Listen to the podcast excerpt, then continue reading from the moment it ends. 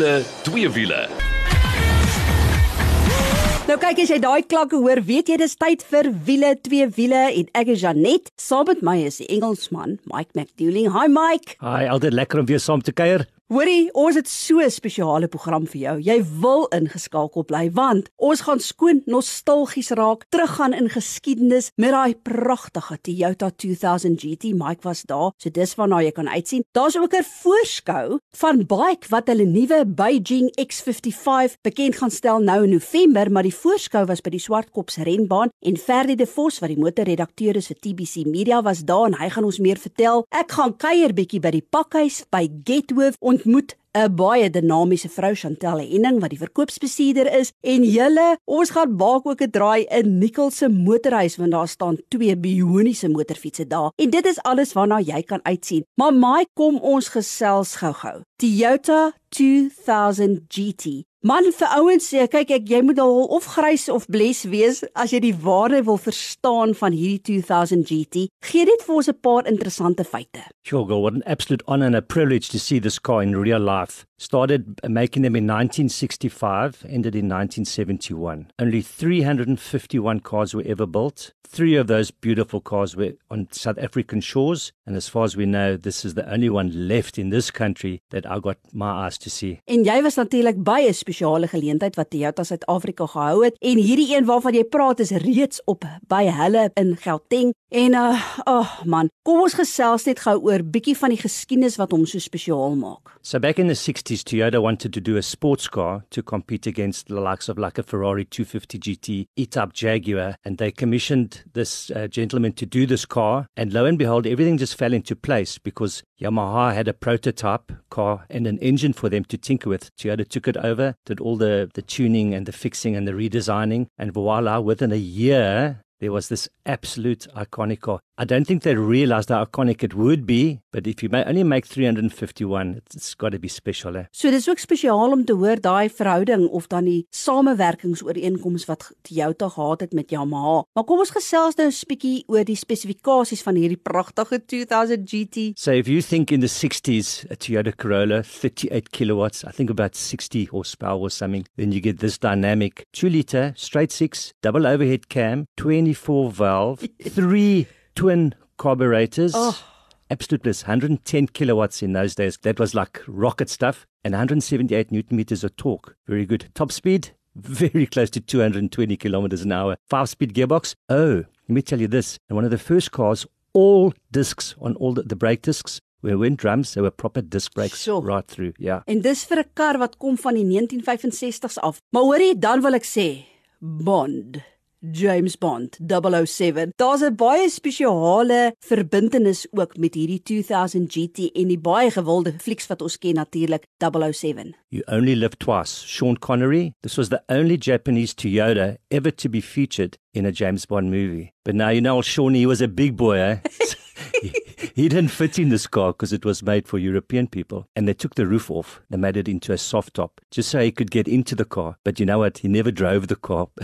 His girlfriend in the movie had to drive the car. So just picture old Bondi there in this, this Toyota with his head sticking above the windscreen. It must have been iconic. Nou wat toe as jy nou daai fliek kyk, daai James Bond fliek, dan sal dit ook nou vir jou 'n klokkie lui. Maar hoor hierso, hoor die een wat tans by Toyota staan. Hulle het in begin in die jaar 2000 om daai kar te restoreer. Gee ons bietjie geskiedenis van hom. So this car was a mystery until they decided to refurbish this car. So naturally they got hold of somebody in the United States to get spares for this refurbishment. And this guy said, Hey, you don't have this car. So eventually the history found out that this car was brought in for the Toyota MD at that stage for his wife. It was a silver car. She didn't like silver, so they made it red. Now, Toyota did bring this car in red, and a few years later, she sold the car to a Mrs. Brunt, who eventually dedicated the car to Toyota as a, as a museum piece. Now, this car stood at Toyota for a very long time before they decided to restore it. So, from every single nut and bolt removed, a full restoration from the bottom right to the top. Hoor hierso, maar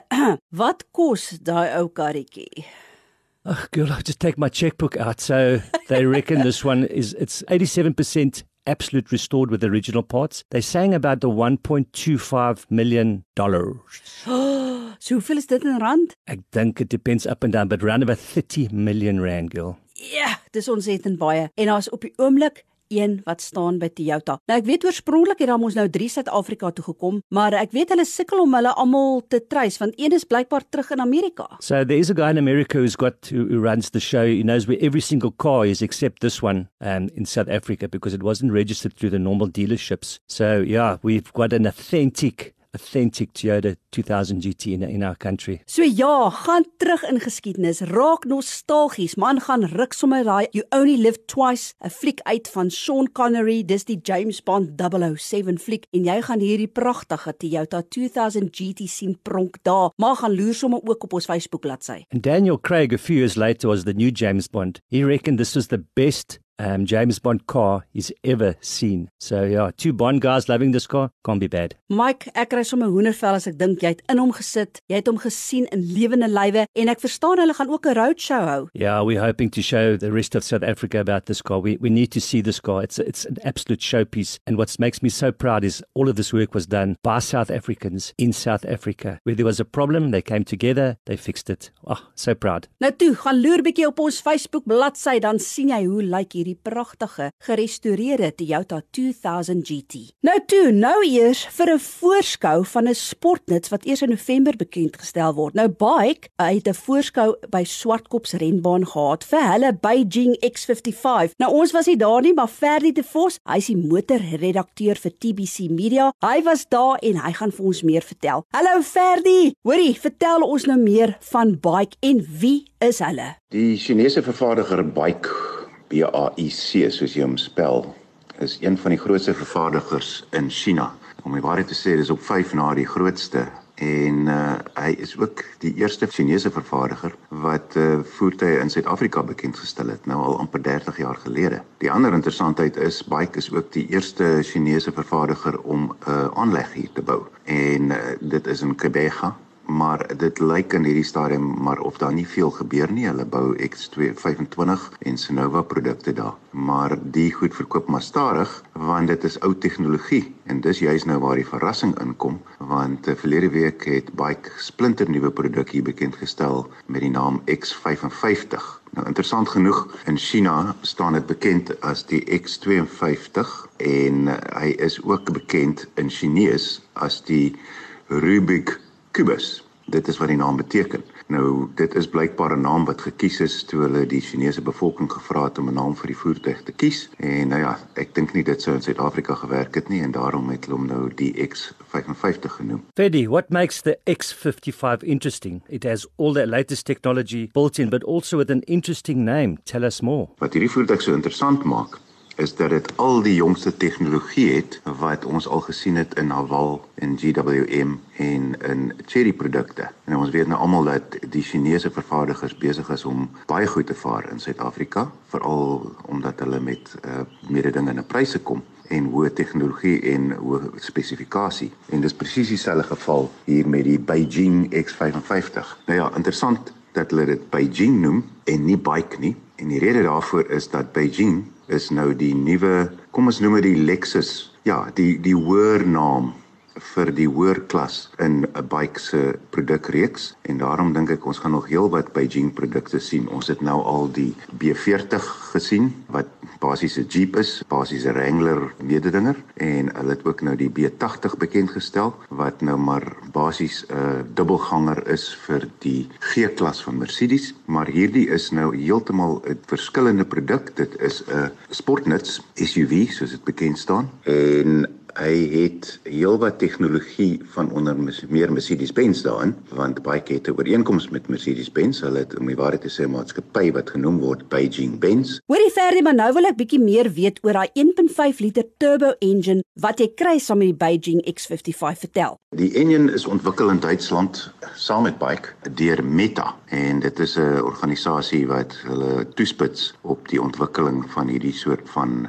engine tegnologie 1.5 liter engine turbo aangejaag 4 silinder en hy ontwikkel 130 kW en 305 Newtonmeter wrinkrag en dit word deur 'n 7 gang dubbel koppelaar transmissie na die voorwiele gestuur.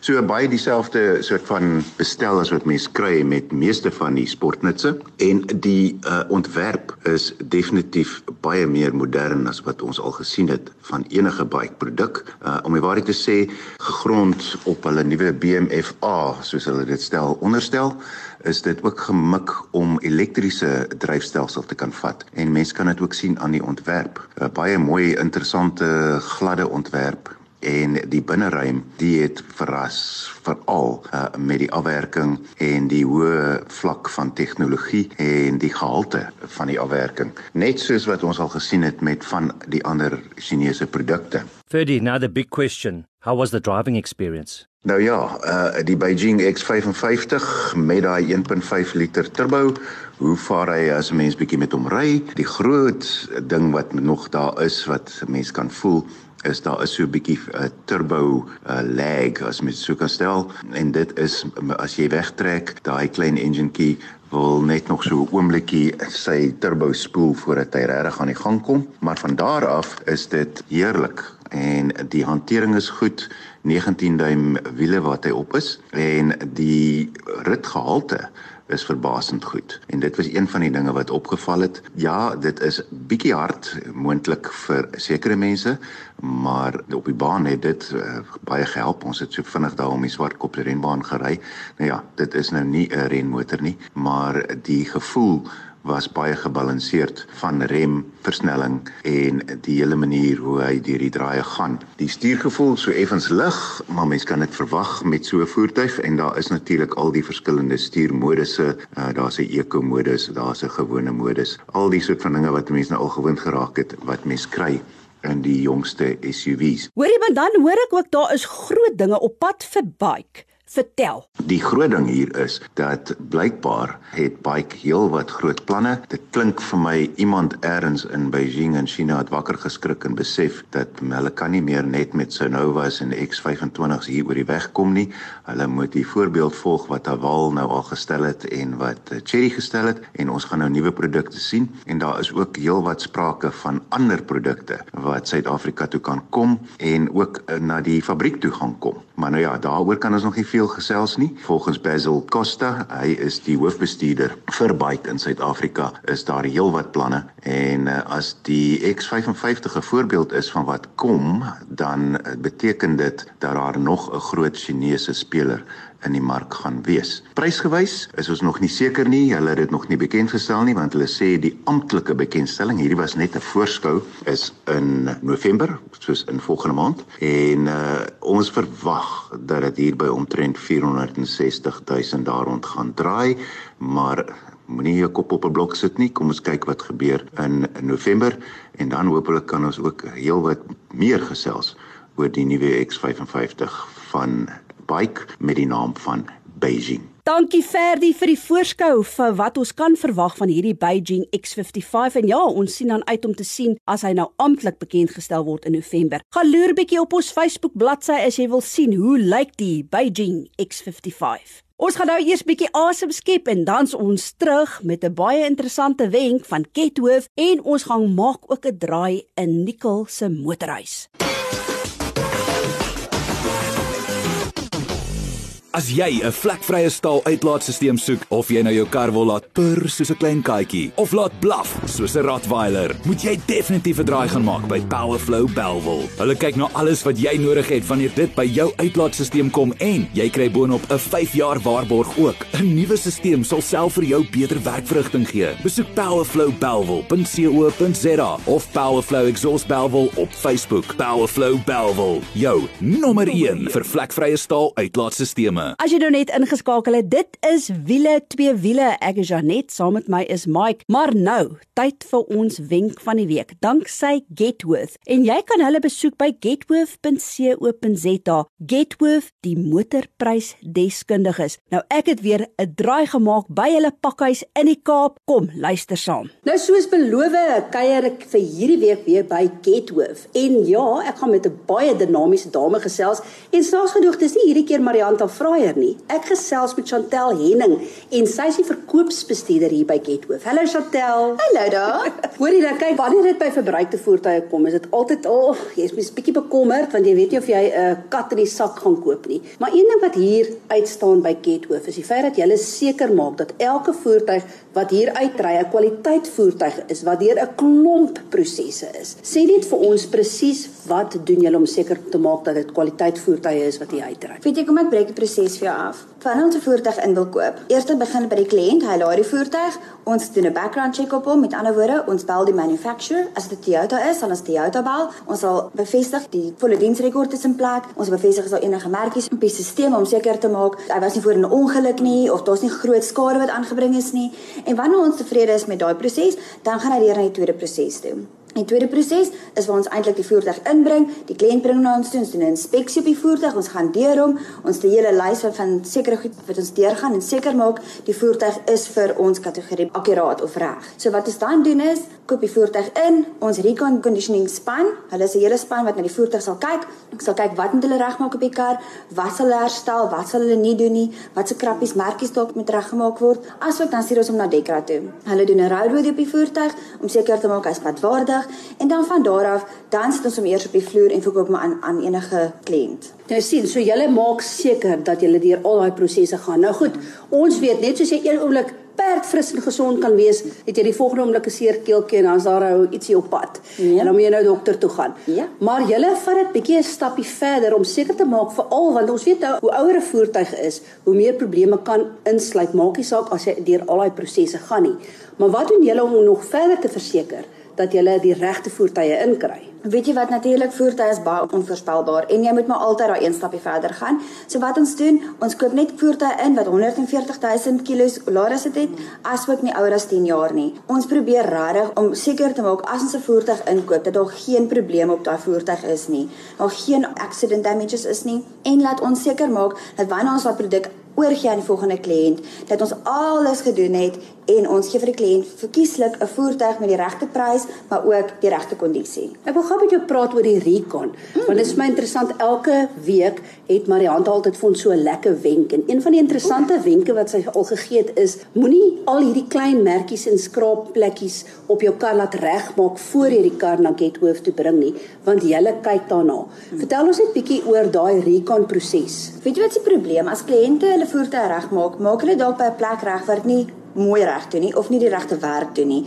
Dis dalk nie RMI approved nie of dis dalk dalk is dit 'n blou kar en dan gebruik nie die regte blou en jy kan nie dadelik sien en dan ons trek weg want ons weet nie of was dit dalk 'n ongeluk nie. So ons verkies voertuie wat hiernatoe kom en ons sal liewer die werk laat regmaak want ons het 'n RMI approved handelaars op ons paneel en ons weet wat wat se tipe werk hulle kan doen, hoe goed hulle werk is en dis iets waarmee ons tevrede is. As ons tevrede daarmee is, ons standaarde is hoog, ek glo en hoop ons kliënte sal ook daarmee tevrede is.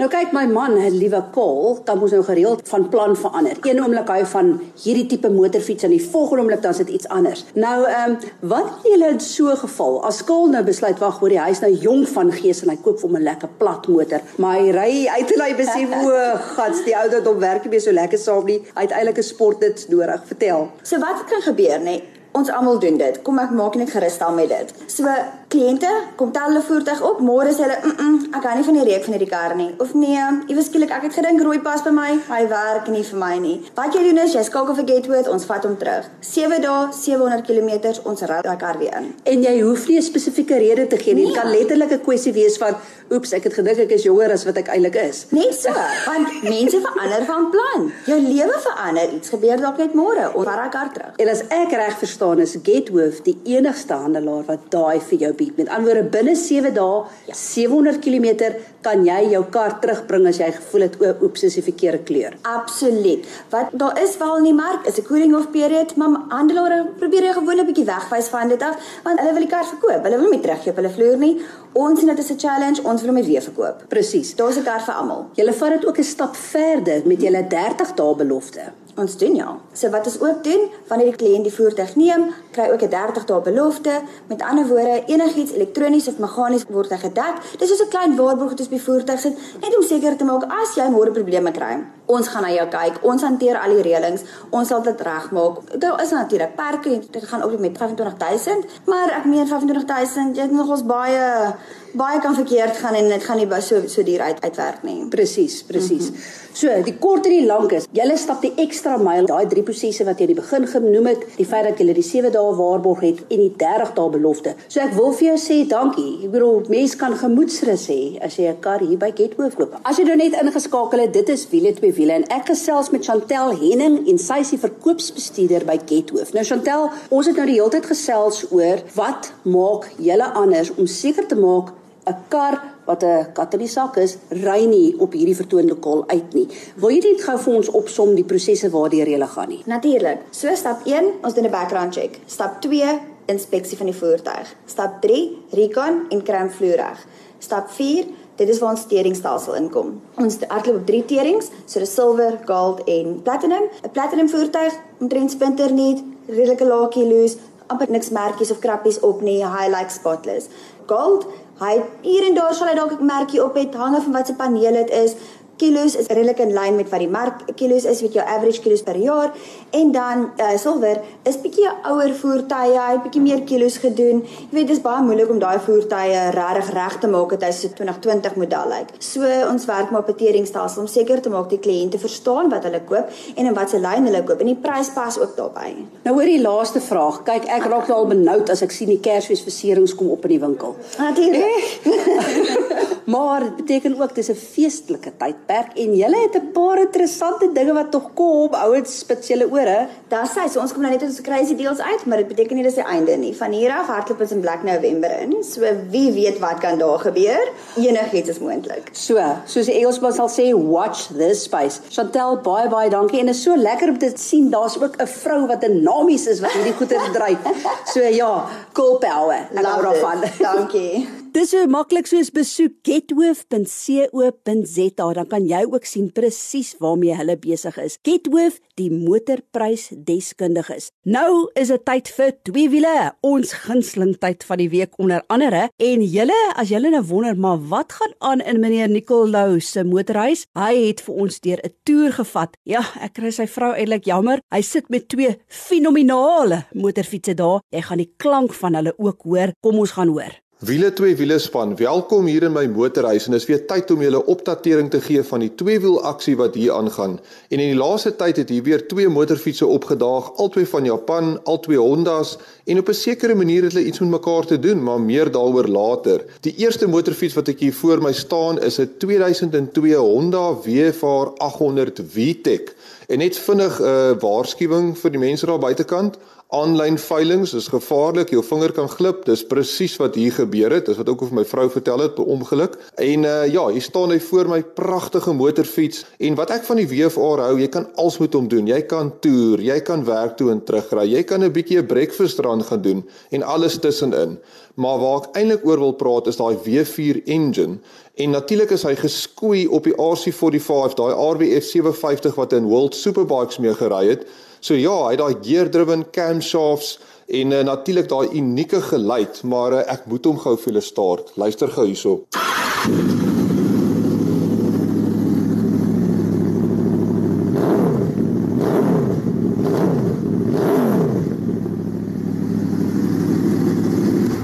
Nou ja, as daai nie vir jou hoendervleis gee nie en ja nee, dis nie standaard uitlaate nie, dis 'n laser uitlaat, een uitlaatpyp per silinder. Dis hoekom hy so lekker klink. En uh, dit vat my dan direk na die volgende motorfiets.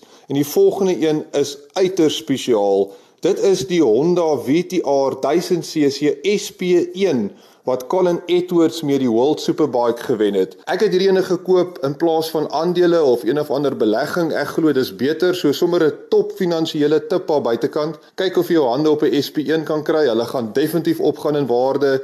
Ons weet van die RC30, die RC45, dit is 'n RC51 en dis die homologasie uh, special wat hulle gebou het. Onthou, Honda wou vir Ducati aanvat op hulle eie reëls in World Superbike. So, hulle het altyd daai W4 750cc RBF gery en Ducati het natuurlik nou die V2000cc en toe besluit Honda nou bou ons ook 'n V2000cc en ons vat hulle aan op hulle eie game en Honda het gewen World Superbikes met uh, Colin Edward natuurlik het Aaron Slide ook hierdie motorfiets gery. Hulle is baie skaars nou as jy mooi een wil kry. Hierdie ene 22000 km op, totaal oorspronklik, maar ek moet vir julle laat hoor hoe hy klink. 'n V-twin met hierdie pype op klink natuurlik so.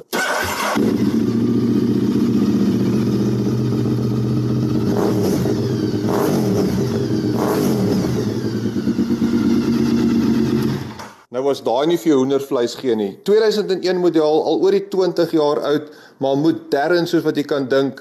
LCD instrumentpaneel en al. So ja nee, top tip aan buitekant, vergeet van jou aftreefonds en so aan. Koop vir jou 'n Honda VTR SP1 en oor 'n paar jaar gaan jy baie gelukkig wees. Dis al van my kant af wiele twee wiele span, lekker bly. Nou toe gaan loer bietjie op ons Facebook bladsy hoe lyk hierdie twee bioniese motorfietsse en uh, ja, dan kry jy ook lekker hoendervel so saam met ons want ag, oh, dis daarom twee mooi masjiene daai. Maar ja, dit is als vir wiele twee wiele vir hierdie week. Dankie dat jy saam met ons gekuier het. Tot volgende week toe. Hou daai wiele aan die rol.